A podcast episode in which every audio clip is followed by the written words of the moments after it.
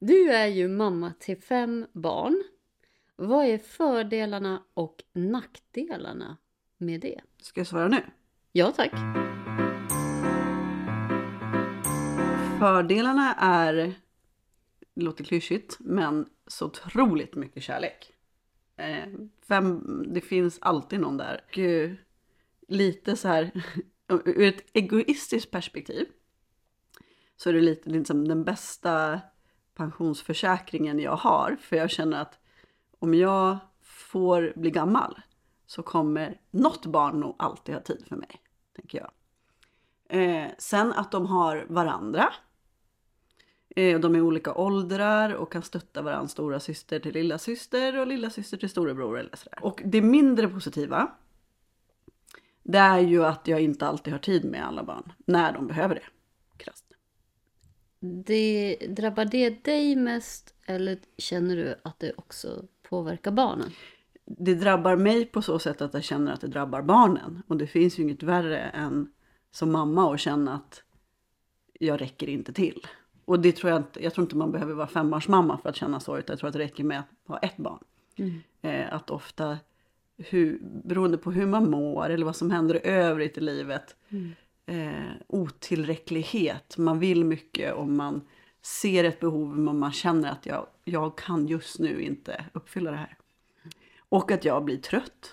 Alltså för att det är mycket hela tiden. Vi sitter ju hemma i ditt kök och spelar in Mm. idag. Och det var ju en väldigt mysig uppvärmning inför podden för vi åt middag tillsammans med ett av dina barn. Fick jag ett glas bubbel och ett glas vin.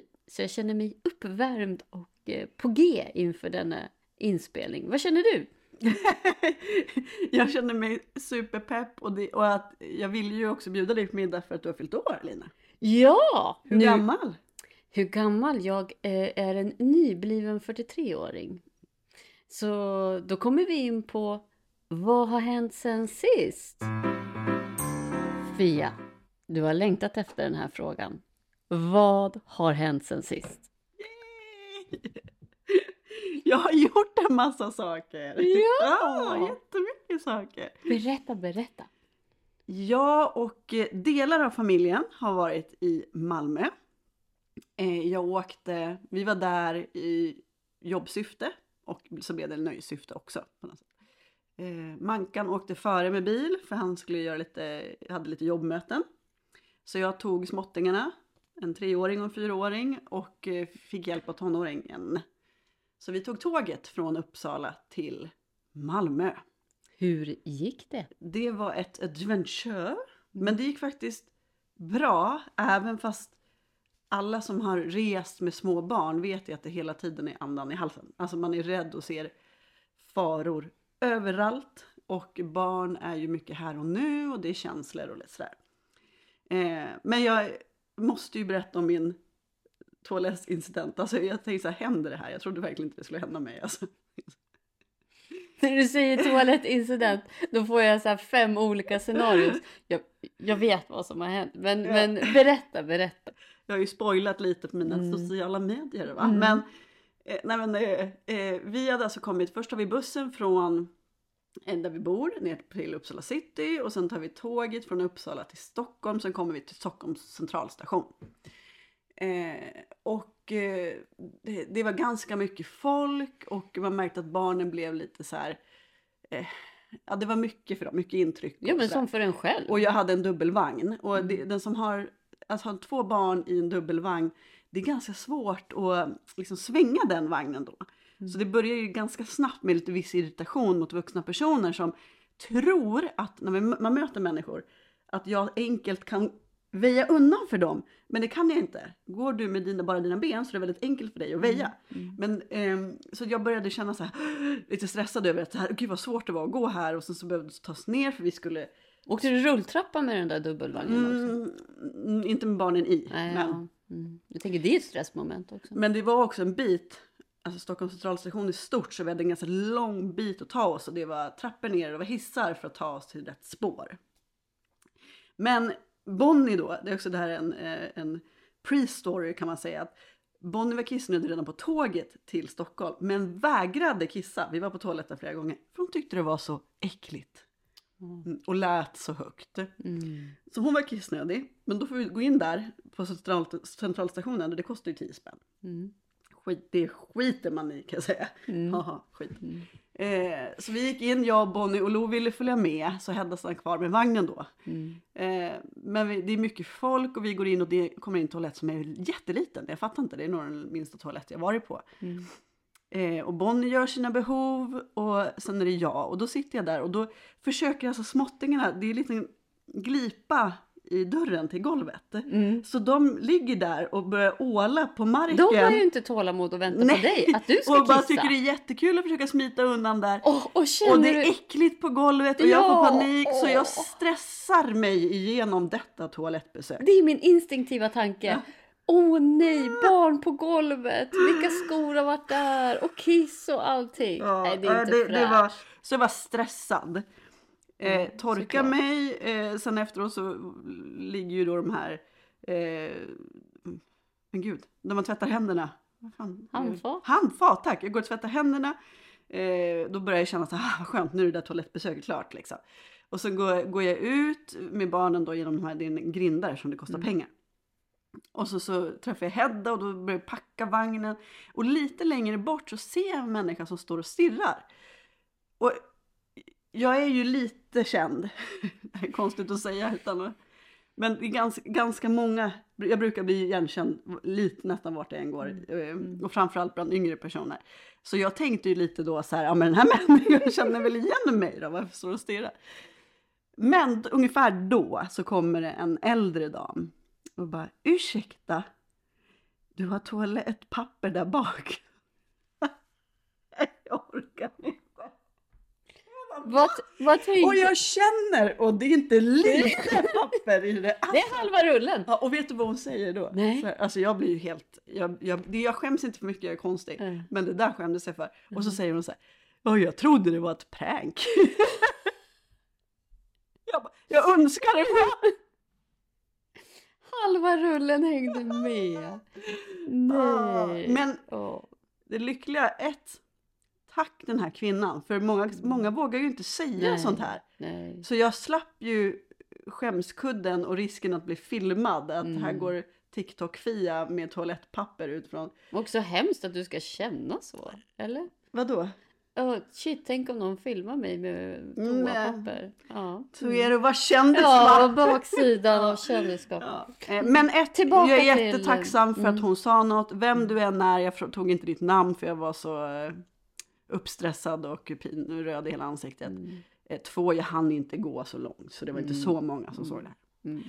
Sen kom vi fram till Malmö och gud vad mysig stad. Du har ju pluggat där. Mm. Jag har bott i Malmö i Ah. tre år och det, det som var så roligt med när du var där, det var att en annan kompis till oss, eh, Mimmi, Mm.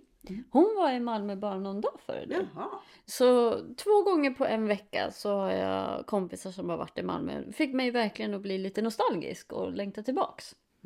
Men sen bodde ju vi eh, på Scandic Triangeln heter det som ligger vid Triangeln eh, Mm. centralt. Jättefint hotell. Mm. Eh, det roliga var att Hedda är ju innebandyspelare. Mm. Och när vi är där så är svenska innebandy, alltså svenska landslaget innebandy och Mhm. ungdomslandslaget där. Så på frukosten var det ju fullt med innebandyspelare. Mm, vilken timing. Ja. Och sen såg vi Björn Skifs, det vet väl du vem det är? Åh, då blev du glad. Ja men alltså, jag, vi, igår firade ju min moster som fyllde 70. Och jag ville så gärna när jag såg Björn Skifs gå fram till honom och fråga kan inte jag få göra en videohälsning med dig till Mm. Gittan då som fyller 70? Eh, Men jag vågar inte. Mm. Hade Hon hade blivit drömmigt. så glad. Ja. Min mamma älskar Björn Skifs. Ja. Han är ju, ja han, har, ja, han är en stor artist. Mm. Så jag förstår din önskan och jag hade också tvekat. Men ja, häftigt. Vad- Men, nej men Ja. vi är inte klara, Nej. är vi klara där? eller? Det har varit Malmö, men berätta lite mer. Du hade varit och firat din moster. Mm. I eh, går så hade Micke, min kusin och hans fru, eller inte fru men sambo Jonna ordnat så att min moster då, hans mamma Gittan skulle få en överraskningsmiddag. Eh, säga. Eh, hon visste inte om att hela släkten, vi är en ganska stor släkt. Min mamma har två syrror och de har många barn. totalt. Så hon trodde att hon skulle fira med sin son och sin dotter och deras respektive. Och istället så sitter där ett sällskap på typ ish 40 pers. Hon blev jätterörd, det var jättefint. Det var supermysigt. Vi träffade, jag växte upp med den släkten och vi tillbringade typ alla jular tillsammans och gjorde jättemycket under 20 års tid. Sen de senaste 10 åren, 15, så har vi inte sett så mycket. Men det var jättekul att träffa alla. Mm. Vad härligt. Du har haft en händelserik vecka. Mm. Mm. Skönt att höra att du är tillbaks från eh, sjukdomsträsket. Mm. Så... Jag har varit sjuk. Alltså, Också? ja, Mm. nu är jag pigg med. Nej men jag har haft någonting som inte släppt taget. Jag vet inte vad det är. Det kanske är någon post-covid. Men det varit jätte, det var typ, eller om det Eller är, är det för... bara jag har fem barn tröttheten? Nej, men, nej, snarare så här ba- förskolebakterierna, förskoleviruset. Jag blir galen. Alltså det, Du vet när man känner att man går på 30-40 procent. Det bryter aldrig, man har ont i halsen, man har ont i huvudet, man är trött. Nu de senaste dagarna har jag känt mig, eh, jag har sovit mycket i och för sig också, men det släpper liksom inte. Så jag vet inte om det är, jag tycker att jag har hört några fler som har haft samma sak. Att det liksom inte, plus att det går covid och... Ja, det går jättemycket sjukdomar. Och sen är det ju så att vi är inne i en väldigt mörk period, så man är ju överlag trött liksom. Mm. Men nu har jag pratat jättemycket om mig själv. Ja. Eh, Lina, har det varit något spännande den senaste veckan? Eller vad har hänt sen sist Lina? Eh, ja, men eh, det första jag tänker på när du säger vad som har hänt sen sist är att jag har blivit ett år äldre. Ja. Jag har fyllt år. Jag fyllde år söndags, eh, söndag den 12 november. Och jag tror att du och jag är lite lika där. Att när någon fyller år, då är det liksom buller och bang och man ska bli uppmärksammad och, och, och firad. Och, och det är en tradition som jag har liksom satt i min familj. Jag tycker det är stort att fylla år. Eh, min man är inte likadan. Han tycker inte att det är så viktigt att bli uppmärksammad när han fyller år. Men han har helt hängt med på konceptet liksom när det gäller våra barn, att fira dem. Men vad hade hänt om du, in, om du hade glömt Martins födelsedag? Jag vet inte. Alltså han hävdar ju väldigt bestämt att det inte betyder så mycket. Eh, så, så jag är inte så säker på att han hade blivit besviken om jag hade liksom missat. För att nej, han tycker inte att det är superviktigt. Men han, det är absolut att han är med på att när barnen fyller, eller när jag fyller, så, så vet han att vi tycker att det är viktigt. Men i vilket fall eh, så var det så att min man var borta på förmiddagen. Eh, så jag tänkte, eh, ah, det händer väl inte så mycket. Men de tre kära små barnen var så väldigt söta så de gjorde pannkakor och, styrde upp frukost och hade dukat jättefint med presenter och så. Så kom de in och sjöng för mig. Och så satt jag och mina barn och käkade långfrukost ihop. Så det var jättemysigt. Gulligt. Ja, och sen så, så eh, bjöd jag hem min släkt eh, och fick eh, träffa dem. Och det var jättemysigt och jag fick några väldigt fina presenter. Fastän jag inte hade förväntat mig det. För, att, för, för det, det är inte det som är viktigt det här med presenter. Utan jag tänkte så här, men det är ett tillfälle att samlas. Så jag bjuder liksom hem på fika. Men det var jättemysigt. Så det är jag väldigt glad för. Och eh, sen har jag också hunnit med att eh, träffa mina gamla kollegor på en after work. Alltid lika trevligt. Vi jobbade tillsammans i, vad blev det, sju år tror jag. Och vi var ett superteam. En jättebra chef och bra kollegor. Så det, ja, men jag är varm i hjärtat liksom när jag träffar dem. Så det är jag jätteglad för. Och eh, jag har eh, också sett en ruggigt bra dokumentär. Som jag vill tipsa om. Jag är ju ett Harry Potter-fan. Eh, kanske finns någon mer som är det. Tveksamt. Ja. Visste du att det var en stuntman som bröt nacken? Nej, det visste jag inte. Han var Du har, du har mig redan fast, handlar det om det eller? Ja!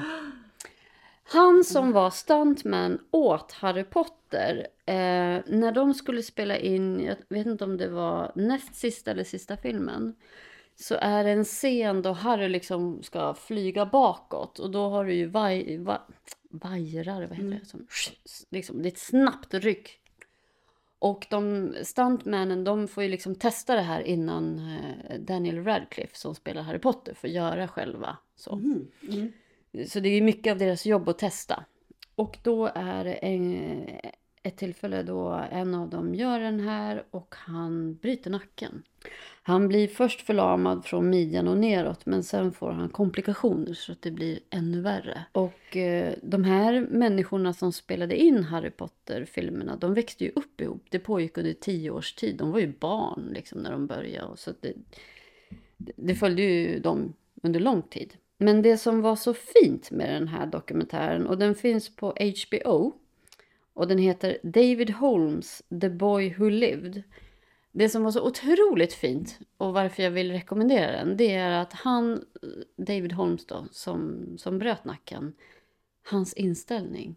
Alltså, jag tror att majoriteten av oss hade ju tappat hoppet efter en sån här olycka. Men han är så positiv och har en sån himla inspirerande livsstil. Så att eh, jag blev varm i hjärtat av den här dokumentären och kan rekommendera den. Sen har jag också gått på ditt tips och börjat kolla på The White Lotus. Knasig och eh, spännande serie. Men ärligt, tycker, tycker du om det lika mycket som jag? Jag har ju bara kollat på tre avsnitt. Men eh, jag, kommer, jag är hooked. Jag ska kolla mycket mer. Ja, men andra säsongen är faktiskt bättre än första det händer nästan aldrig att en säsong två är bättre än säsong ett. Mm. Eh, mindre komik, mer, mer relations, tankeväckande relationsdrama och spel. Äh, det, så fortsätt titta. Mm. Jag måste tipsa, jag, tycker, jag uppskattar väldigt mycket själv att få tips när man lyssnar på poddar. Men jag har lyssnat på en, en podd den här veckan och blev helt fast. Var det? Vad har hänt sen sist? det kan man ju tro, för det finns väl ingen bättre nej, podd här. Nej. nej, utan den heter Motiv. Mm. Känner du till den? Nej. Men jag älskar ju true crime. Mm, true mm, crime. Mm. Eh, och det här är en, alltså jag tycker att eh, den här podden Motiv tar upp gamla fall. Mm -hmm. Han har varit eh, bland annat inne på Helenmordet och eh, eh, vad heter Helen? Jannike, Helen och Jannike. Mm, mm. Och nu Pernilla-mordet, det här hände för länge, länge sedan. Mm. Eh, men han tar upp eh, rättsprocesser och lite så här, talar lite om hur polisutredningar kan gå snett och Eh, otroligt spännande. Mm. Jag måste verkligen tipsa om den. Mm. Mm. Nu till dagens ämne. Det här med att vara förälder till fler barn och ha syskon. Och jag är lite nyfiken att höra eh, hur det var för dig. För att jag tänkte att vi kunde börja med oss själva. Du är ju ett av tre syskon. Du är uppväxt med en... Ja, men du kan få berätta själv. Hur, ser du, hur såg det ut när du växte upp? Jag har en fem år äldre bror och så har jag en tre år yngre syster. Mm. Så vi är tre, tre syskon. Mm. Jag är också uppväxt i en familj med tre barn. Jag har en stora syster som är tre år äldre än mig och när jag var sju år så fick jag en lillebror. Nu är det ganska långt mellan dig och många år mellan mm. dig och lillebrorsan. Mm. Det är tio år mellan min stora syster och min lillebror och sju år mellan oss. Så att, eh, Eh, det har ju såklart påverkat. Men det vi har gemensamt du och jag är ju att vi är uppväxta med, med två syskon. Um, hur tror du att det har påverkat dig att växa upp med syskon? Jag lyssnar ju på och har lyssnat, jag gör det i lite omgångar sådär, eh, på en bok eh, av Elisabeth Schönbeck heter hon, som heter Äldst, mellan och yngst. Hur placeringen i syskonskaran påverkar oss. Och alltså man måste själv lyssna eller läsa boken, för det finns risk för att jag generaliserar lite när jag pratar om den. Så ta inte det här helt för sanning. Men hur du är som person kan man mer eller mindre säga så här, okej okay, då är du yngst, eller du är mellis, eller du är äldst. Så, så mycket påverkar syskon oss. Så det du säger är att vår placering i syskonskaran kommer att påverka vår personlighet. Mm. Och du och jag är ju båda mellanbarn, mm. det vill säga mitten. Vad utmärker mellanbarnet då? Jag tror inte du skulle riktigt klassas som mellanbarn för att det är för många år mellan dig och din lillebror. Mm. Så det har också betydelse. Det har mm. betydelse utifrån vilket kön, nu ska vi inte vara kontrovers kring det, men lite utifrån vilket kön syskonen har och personlighetsdrag men också hur många, många år det är mellan syskonen. Okay. Men vi präglas mest av syskon där det är eh, ungefär tre år. Mm. Alltså, eller mm. max tre år. Mm. Men tillbaka till min fråga då, som du inte riktigt svarade på. Att vara mellanbarn. Men, jag har nog, alltså för det första måste jag bara säga, jag har haft en eh, kärleksfull och trygg uppväxt. Eh, så allt har nyanser. Men jag har ändå alltid känt mig lite ensam. För att jag tyckte att min pappa och min storebror hade en väldigt bra relation. De hade också många gemensamma intressen. Och min lilla syster och min mamma var väldigt nära varandra. Eh, och, så jag hamnade lite däremellan, känner jag. Mm. Men det, alltså, och det är nog jättemånga, mina mellisar säger mm. samma sak. Mm. Att man, ham- man blir lite den glömda. Liksom. Jag har ju också relaterat, eller relaterat, jag har ju också funderat, givet att jag visste vad vi skulle prata om. Och eh, när jag växte upp, eh, givet att min lillebror är född sju år efter mig, så var ju han tre, fyra år när jag var i mina tweenies. Och när man är i tweenies-åldern, i vart fall jag, så började jag ju liksom grubbla lite på saker och ting. Eh, och precis som du beskriver så, så ser det ju ut så i många familjer att syskon är, alltså bara för att man växer upp i samma familj så är det ju ändå olika individer under samma tak. Så även om jag är syskon med min, store syster, min stora syster och min lillebror så, så är ju vi tre helt olika individer och olika personligheter. Och våra föräldrar kommer ju relatera till oss på olika sätt. Eh, så är det ju även i min familj, nu när jag själv har tre barn. Även om jag själv som mamma känner att jag vill ge mina barn en likvärdig behandling eller vad det nu är, så kommer det att färgas av våra olika personligheter. Och då när jag var, ja men jag kanske var 10-11 och min lillebror var 3-4 så kände jag också att jag hamnade lite i kläm någonstans där. För min mamma behövde ju av naturliga orsaker lägga mer tid på mitt yngre syskon som var 3-4 år. Och min pappa och min stora syster, de hade väldigt mycket gemensamma intressen som jag inte delade. Så jag kände mig också lite så här, uh, vad ska jag säga, på min lilla ö. Mm. Men det behöver ju egentligen inte, jag har tänkt på det också. Det har ju byggt mycket av den jag är. Jag är väldigt självständig, jag känner att jag inte riktigt är beroende av någon annan. Eh, jag eh, har ganska bra självkänsla och självförtroende, att liksom jag vet vad jag själv går för på något sätt. Och lite av den jag är tror jag är för att jag har den rollen i syskonskaran. Och ska vi relatera till förra poddens ämne som handlade om projektledare på gott och ont. Mm. Det jag ser som du och jag har likt är att vi båda är personligheter som är duktiga på att ta ansvar. Mm. Sen, apropå placering i syskonskaran, att ta ansvar. Eh, tittar jag på min stora syster så slår hon mig med hästlängder. Hon är ju fenomenal på att ta ansvar. Mm. Eh, superdriven och det, liksom, Hon är också stora syster. Hon är stora syster. Ja. Det kan ju vara skillnad om man är storebror. Det är många som har det.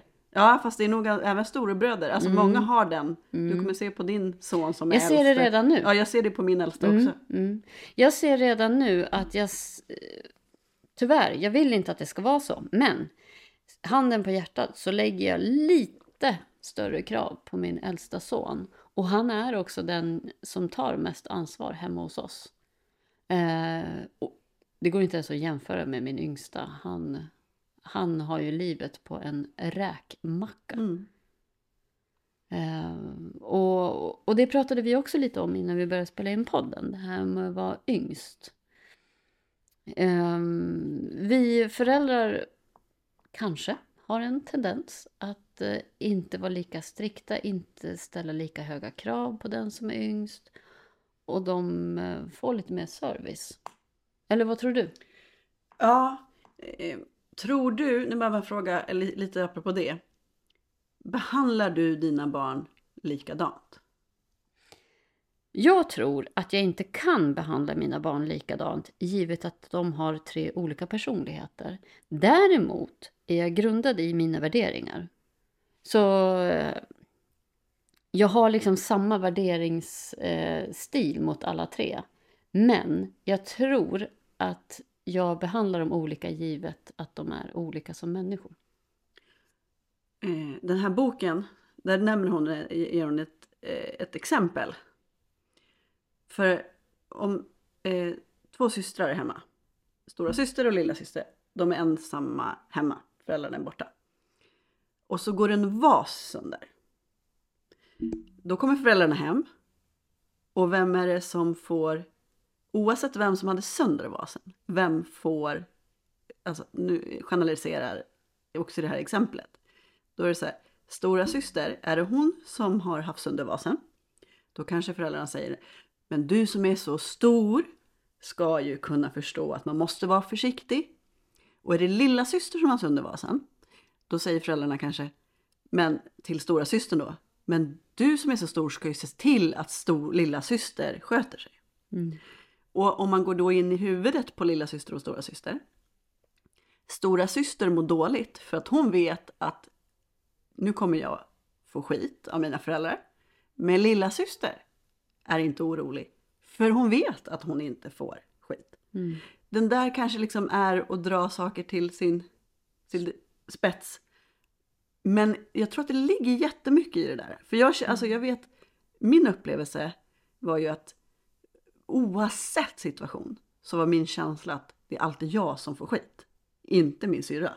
Hon kunde göra what the fuck som helst. Men skiten hamnar på mig.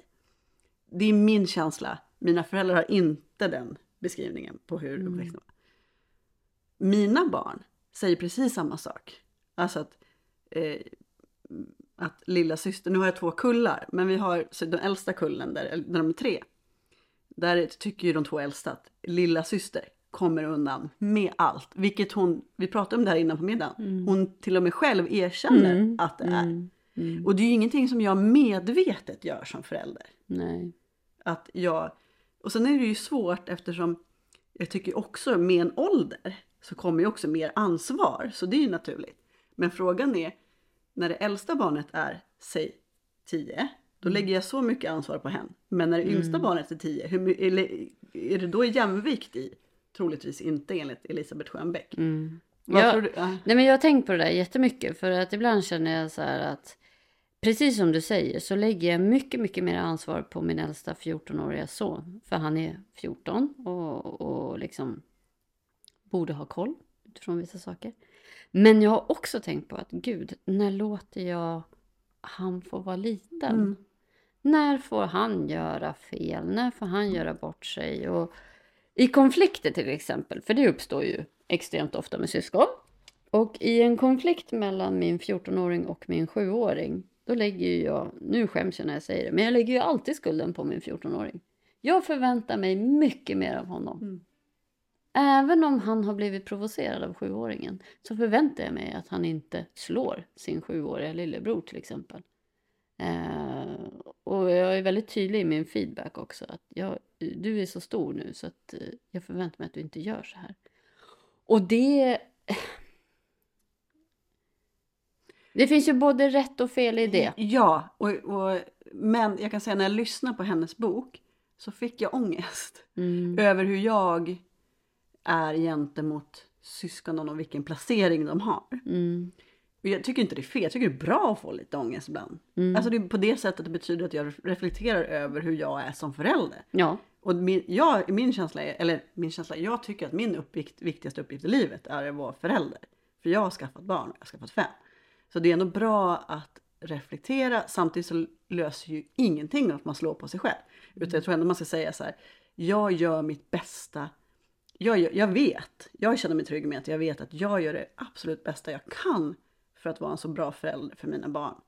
Men det finns ju ingen som är perfekt så man måste ju hela tiden utvecklas.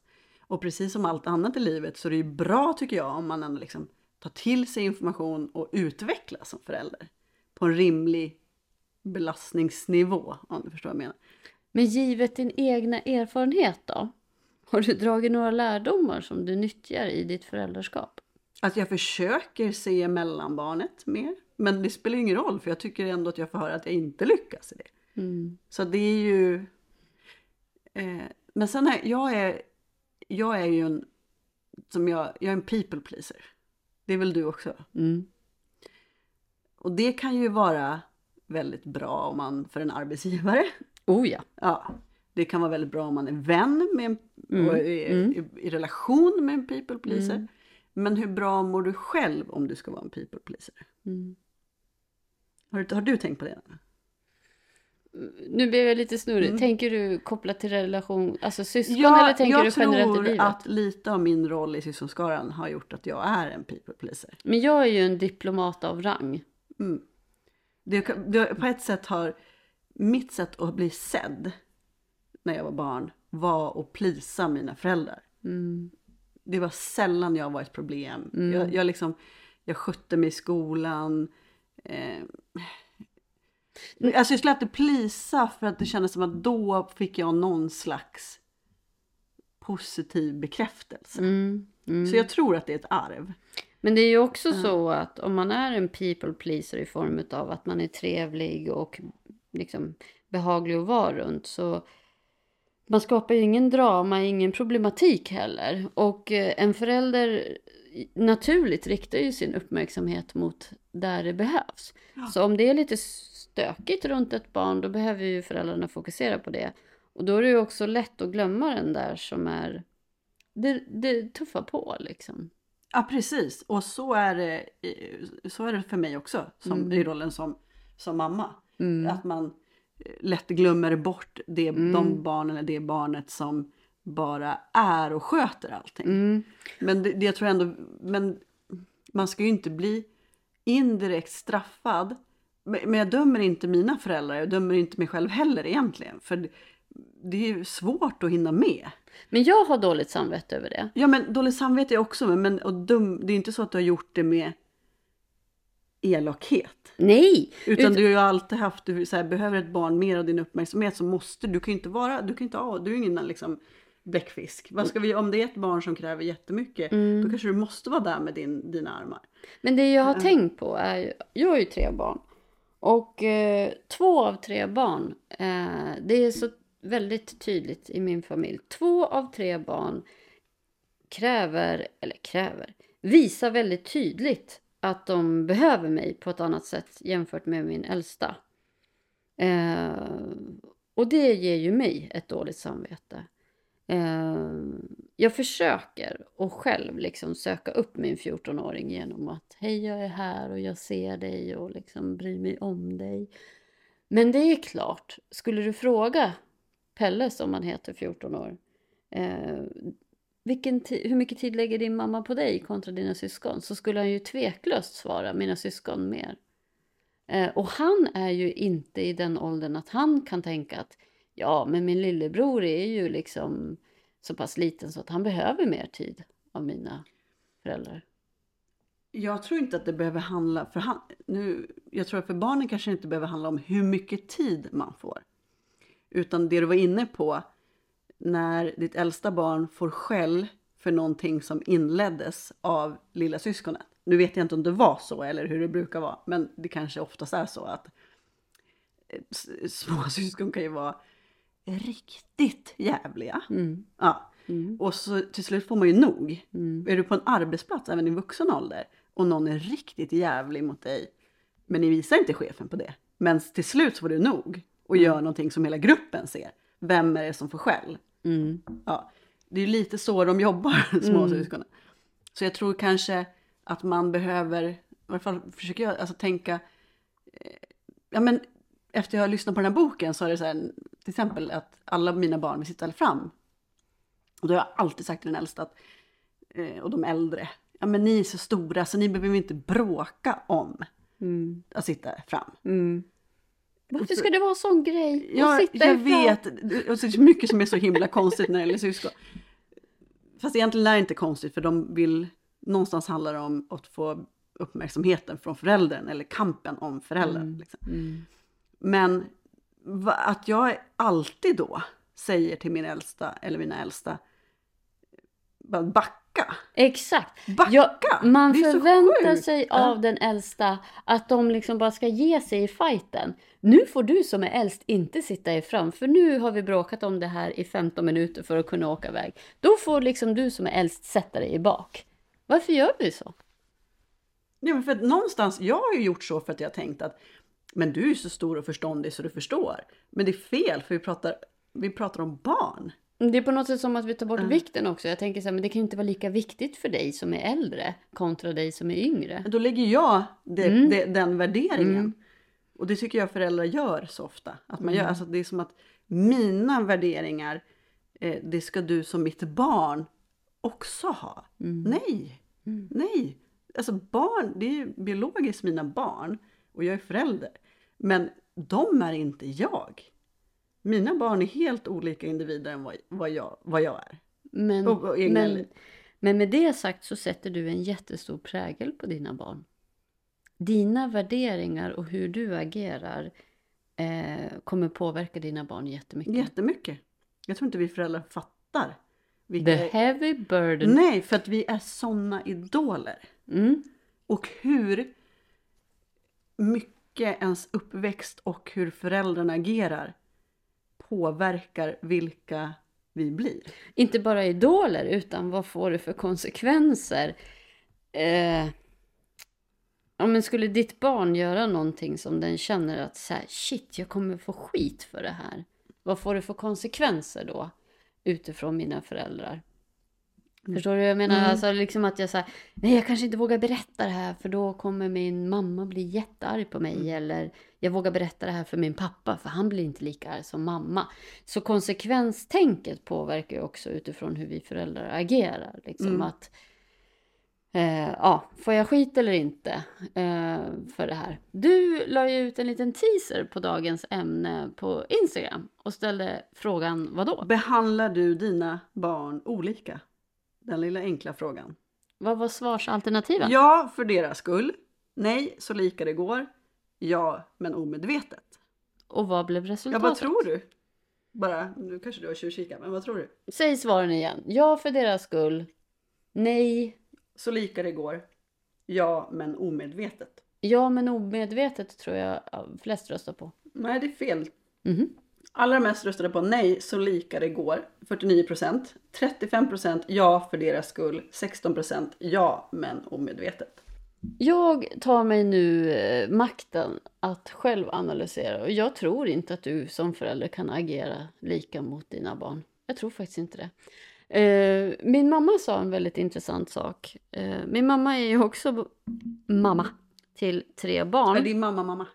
Min mamma är mamma. Min mamma mamma sa så här.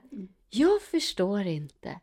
Jag har ju uppfostrat er tre på exakt samma sätt och ändå är ni så olika. Och då har jag reflekterat över hennes ord som någonstans, ja, de är ju goda och fina och och hon har gjort liksom med de allra godaste intentionerna. Men där kommer jag in med min, mitt starka perspektiv som är att jag har tre olika individer att hantera. Jag kan inte bete mig exakt likadant. Det skulle liksom inte funka. Jag behöver situationsanpassa mitt föräldraskap. Givet deras behov och deras personlighet. Ja. Och det, det din mamma sa, vadå jag har ju behandlat er, eller uppfostrat er på likadant. Mm. Det spelar ingen roll. För att eh, bara det där du föds med syskon och dynamiken Mm. påverkar delvis hur du blir som människa. Mm. Men eh, syskonrelationer då? Mm. När du tittar på dina fem barn, hur, hur spår du deras framtid?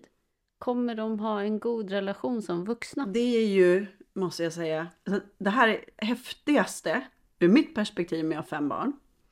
Är ju dels att se de, de tre äldsta barnen, den kullen, möta den yngre kullen när det är väldigt stor åldersskillnad menar de, mellan dem.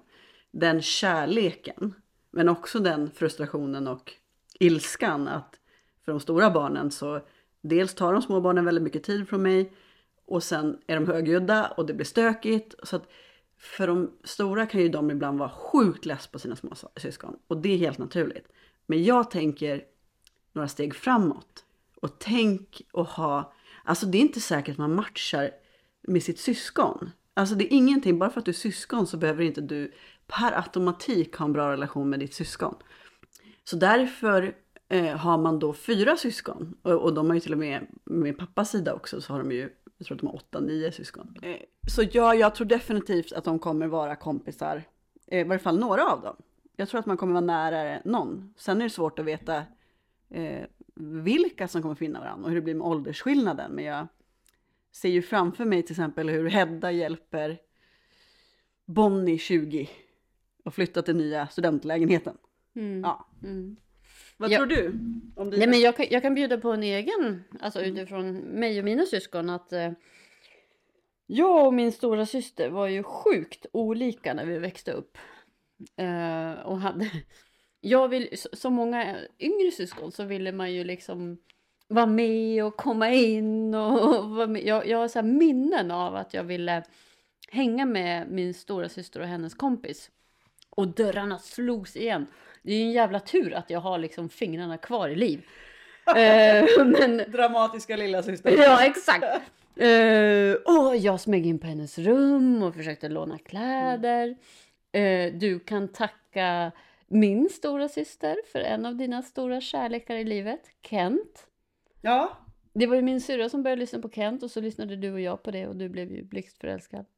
Mm, men så att växa upp med ett äldre syskon i, i mitt fall var ju mycket så här, jag ser upp till men vi kanske inte var så här astajta som unga. Det var ju en hel del, vi, var, vi, vi, vi är och vi var väldigt olika som personer. Men eh, när vi båda fick barn så blev vi så mycket tajtare. Eh, vi hade mycket större distans mellan oss och jag tänkte så här, hur ska det gå för oss? Liksom? Men det redde sig alldeles utmärkt när vi båda fick barn och nu uppskattar jag henne något enormt. Vi är fortfarande olika som personer, men hon, jag uppskattar olikheterna idag och eh, ser ju liksom, jag plockar ju godbitarna. Får jag ställa en liten känslig fråga kanske? Varsågod. Mm. Du har inte så här lite stora systerkomplex? Mm, Vad menar du? Ja men det säger- känns som att du alltid sett upp till din syster. Nej. Att Nej. här, kommer Hanna tycka att jag är bra nog? Kommer Hanna... Mm. Jag, Jag, för... tror det inte har någonting med Hanna att göra. Jag tror bara att det Nej. är någonting som legat hos dig. mm, nej, det har jag inte. Eh, jag, har, jag, jag, jag känner mig helt trygg och svara på frågan att jag har inte stora systerkomplex. Eh, jag, jag vet att vi är väldigt, väldigt olika. Och eh, hon är bra på vissa saker, men jag är faktiskt bättre än henne på andra saker. Va? Ja, gud ja. ja. Jag trodde du var seriös. Nej, men jag uppskattar våra olikheter och jag har inga ambitioner alls. Jag förstår vad du menar, men nej. Nej, där är jag inte alls. Mm. Men får jag, apropå stories med syskon, Mm. då måste jag få dra en Kör. med min lillsyrra som, det, det här är en klassiker, alla som känner oss har hört den här, du har säkert gjort det också. Nu till publiken, det här är Fias perspektiv. Jag vet att min lilla syster har ett helt annat perspektiv.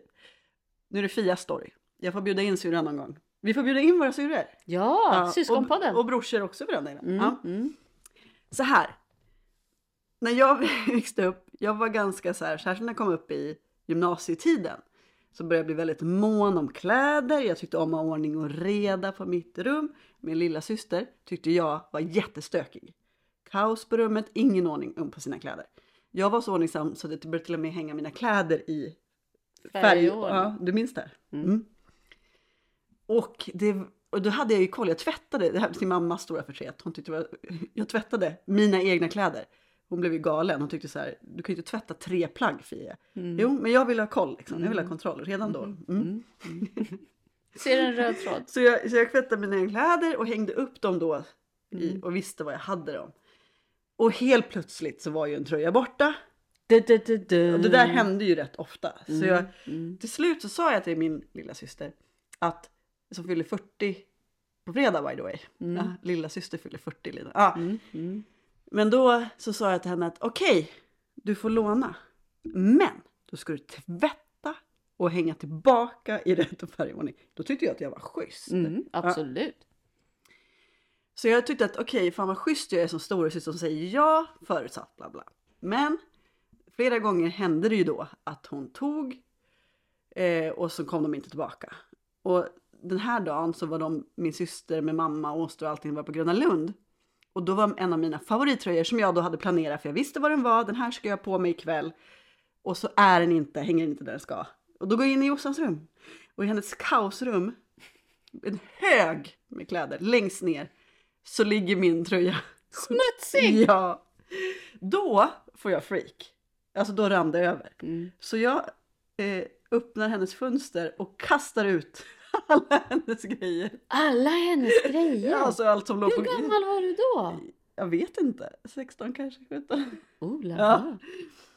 Eh, och jag bara, jag bara var så less liksom. Och får, hon har ju, nej, eller ja, eller jag tror Jossan säger att hon har på sig den här tröjan när hon är i Stockholm. Men jag är, ser, det är det så intressant minnet liksom. Mm. Men, eh, och då ringer jag och skriker i telefon. Mm. Eh, och tycker att det är så jäkla taskigt liksom. Mm. Jag tycker det är taskigt. Mm. Mina premisser, eller våra premisser är ju tydliga. Hon har inte följt dem. Mm. Men vem är det som får skit? Vad händer när Vad föräldrarna kommer min hem? moster, min mamma, Ah, alla. Jag var ju, jag var ju hemsk. Hur kan jag bete mig sådär?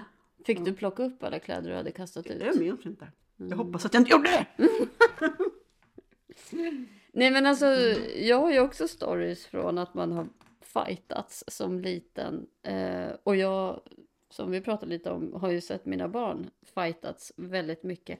Hur kan denna liksom rätt aggressiva relation som man har som liten sen övergå till den här fina, lugna relationen? Det tycker jag är väldigt spännande. Mm. Eh, Jag hade ju, apropå det du sa om din syrra. Jag hade ju inte kunnat tänka mig umgås med min lilla syster fram till typ 20. mm, Hon var ju, skulle ju vara med och allt var så Mm, spännande. Och så mm, är det ju med små. mm. Jag, alltså, jag, din syrra kommer jag ihåg tyckte vi var pest. Mm, Marias storasyrra, vår Mm. andra kompis, hon tyckte vi var Mm. pest. mm, Alltså man kände ju som pesten i deras närhet. Mm. Vi var så tuntiga liksom. mm, exakt. Och Att man- vara det yngre ja. syskonet är fan inte lätt. Nej men så var det ju för mig med min syrra. Hon ville ju hänga med oss. Hon tyckte vi var Ja. coola. Men vi bara. Mm, mm, Tills 20 typ. Och jag, när man flyttade hemifrån. Då började vi få. Då började vi hänga. Vi gick ut. Vi hade middagar. Och det säger jag till mina barn också. Vänta, ni Mm. kommer. Det ingår att hata varandra. Nej. Jag måste bjuda på en story Mm. som jag tycker är varm i hjärtat. Och den är i nutid. Och ehm, jag tycker inte att min 14-åring visar särskilt mycket kärlek till sin 11-åriga lilla syster. Utan det är verkligen mest pest och pina. Mm. Men eh, sen eh, hände en sak. Eh, och jag ska inte gå in i detalj för de tycker det här är lite känsligt.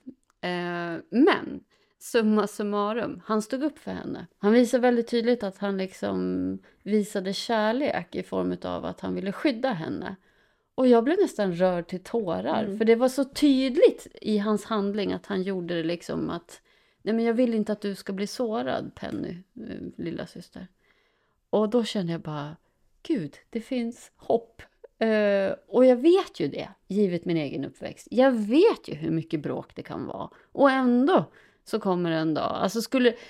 Jag tror också att även fast dina och mina barn, de kan bråka som jag vet inte vad hemma. Men om någon till exempel är taskig i offentligheten, då rycker de in och Mm. skyddar sina Mm. syskon. Jag har fått höra det så många gånger. Att när syskonen är iväg utan oss föräldrar. Mm. Eller någon förälder, förälder närvarande. Då sitter de, de är så tajta och eh, ser efter varandras ryggar Mm. hela tiden. Mm. Eh, och det är ju syskonkärlek. Mm. Och, och det är som du säger, det är ju mycket syskonbråk och det är naturligt. Men när man ser de här syskon, alltså hör barnen prata med varandra, ge varandra stötta varandra eller skydda varandra. Mm. Herregud vad man smälter. Alltså jag har ju försökt att peppa mina barn. Kan inte ni enas kring en gemensam fiende, typ mig och pappa? Tänk om ni skulle gå ihop. Istället för att bråka med varandra, tänk om ni skulle gå ihop och typ så här... Jo, men då missar du något viktigt. Ja, vad är Varför det då? bråkar de? För att eh, utvecklas. Delvis. Men mycket bråket handlar ju om er. Alltså det indirekt handlar det om vem, om det upp, Mm. mamma och pappas uppmärksamhet? Mm. Mm. Bekräftelse eller Mm. så att det, det är svårt. Men det, det, är ändå fint att tänka så. Men Ja, men jag tyckte jag kunde peppa dem lite. Ja. Alltså typ så här, om ni vill få igenom någonting, gå ihop i demokratisk anda. ja. Men det funkar ju. nu är jag ju till tröst och alla andra föräldrar som lyssnar på den här. Alltså syskonbråk, det finns nog inget som kan vara så tärande för en förälder. Men det är ju en, ett socialt spel. Alltså att de utvecklas ju av syskon. Alltså de utvecklas i konflikthantering. Men, men får jag bara säga så här. Vi, vi pratar mer om syskonbråk sen. Så jag skulle vilja om det är någon som har en bra story. Om, om någon syskonstory så får ni jättegärna skicka in det till oss tycker jag. Mm. Antagligen eh, DMa Fia på Instagram, Fia Linderström, eller Lina understreck podd. Ett ämne som jag känner att vi skulle kunna grotta mer i, som vi inte har pratat så mycket om, är eh, hur det är att vara förälder till flera barn. Jag eh, stöter på, jag stöter på det dagligen. Det dåliga samvetet som hänger som en våt filt Mm. över mig. Och det var häromdagen bara som eh, jag fick höra av ett av mina barn. Nej, du bara håller på och fokuserar på de andra och inte mig. Och då replikerade jag med Du har en mamma, jag har tre barn. ja, det var bra. Ja, sen tror inte jag att personen i fråga Nej. förstod det, men det sätter ju fingret på problematiken.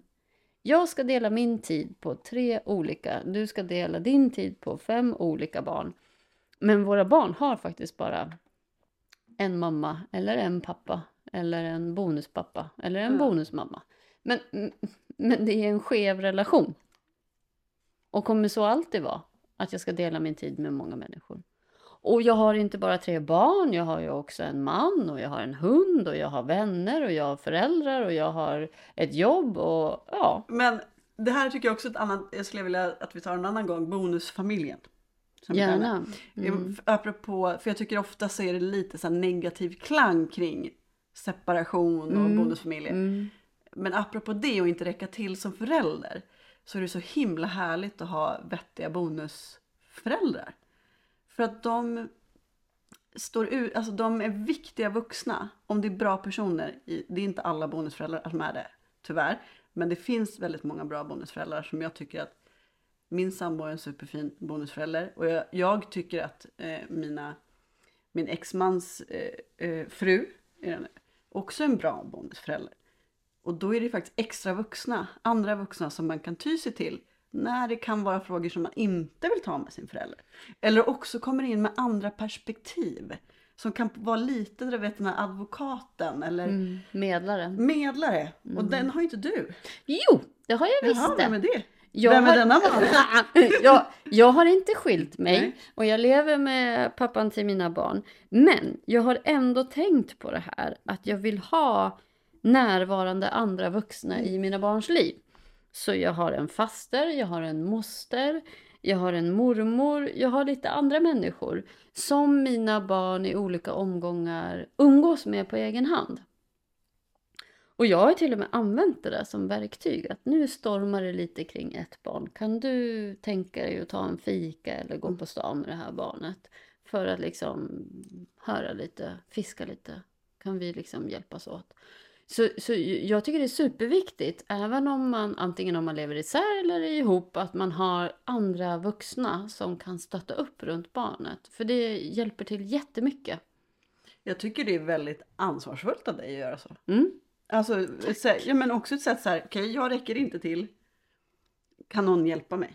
Jag Och tycker, fråga om hjälp. Ja, och Ja. jag tycker att det hjälper till för att eh, Alltså, skulle jag sätta mig, nu tänker jag specifikt på ett barn, skulle jag sätta mig med det barnet, så, då skulle inte jag få så mycket, utan då bjuder jag in den här andra vuxna som jag vet har en fin relation till mitt barn, och så kan de prata om problematiken liksom. Mm. Eller bara ge oss ett andrum. Om det är otroligt mycket konflikter under en period så brukar jag liksom vilja få, kan ni ses, kan ni hitta på något? Jag gör det inte superofta, det är inte så, men eh, jag vet att jag kan ta till det. Prost. Ja. Ja, men det, det, är ett bra tips tror jag. Nu ska mm. jag testa någon gång. Mm. Ska det avrunda dagens podd? Jag tror det. Mm. Och vi har en slutkläm. Var det tjing tjing? Tjing tjing! Tjing tjing!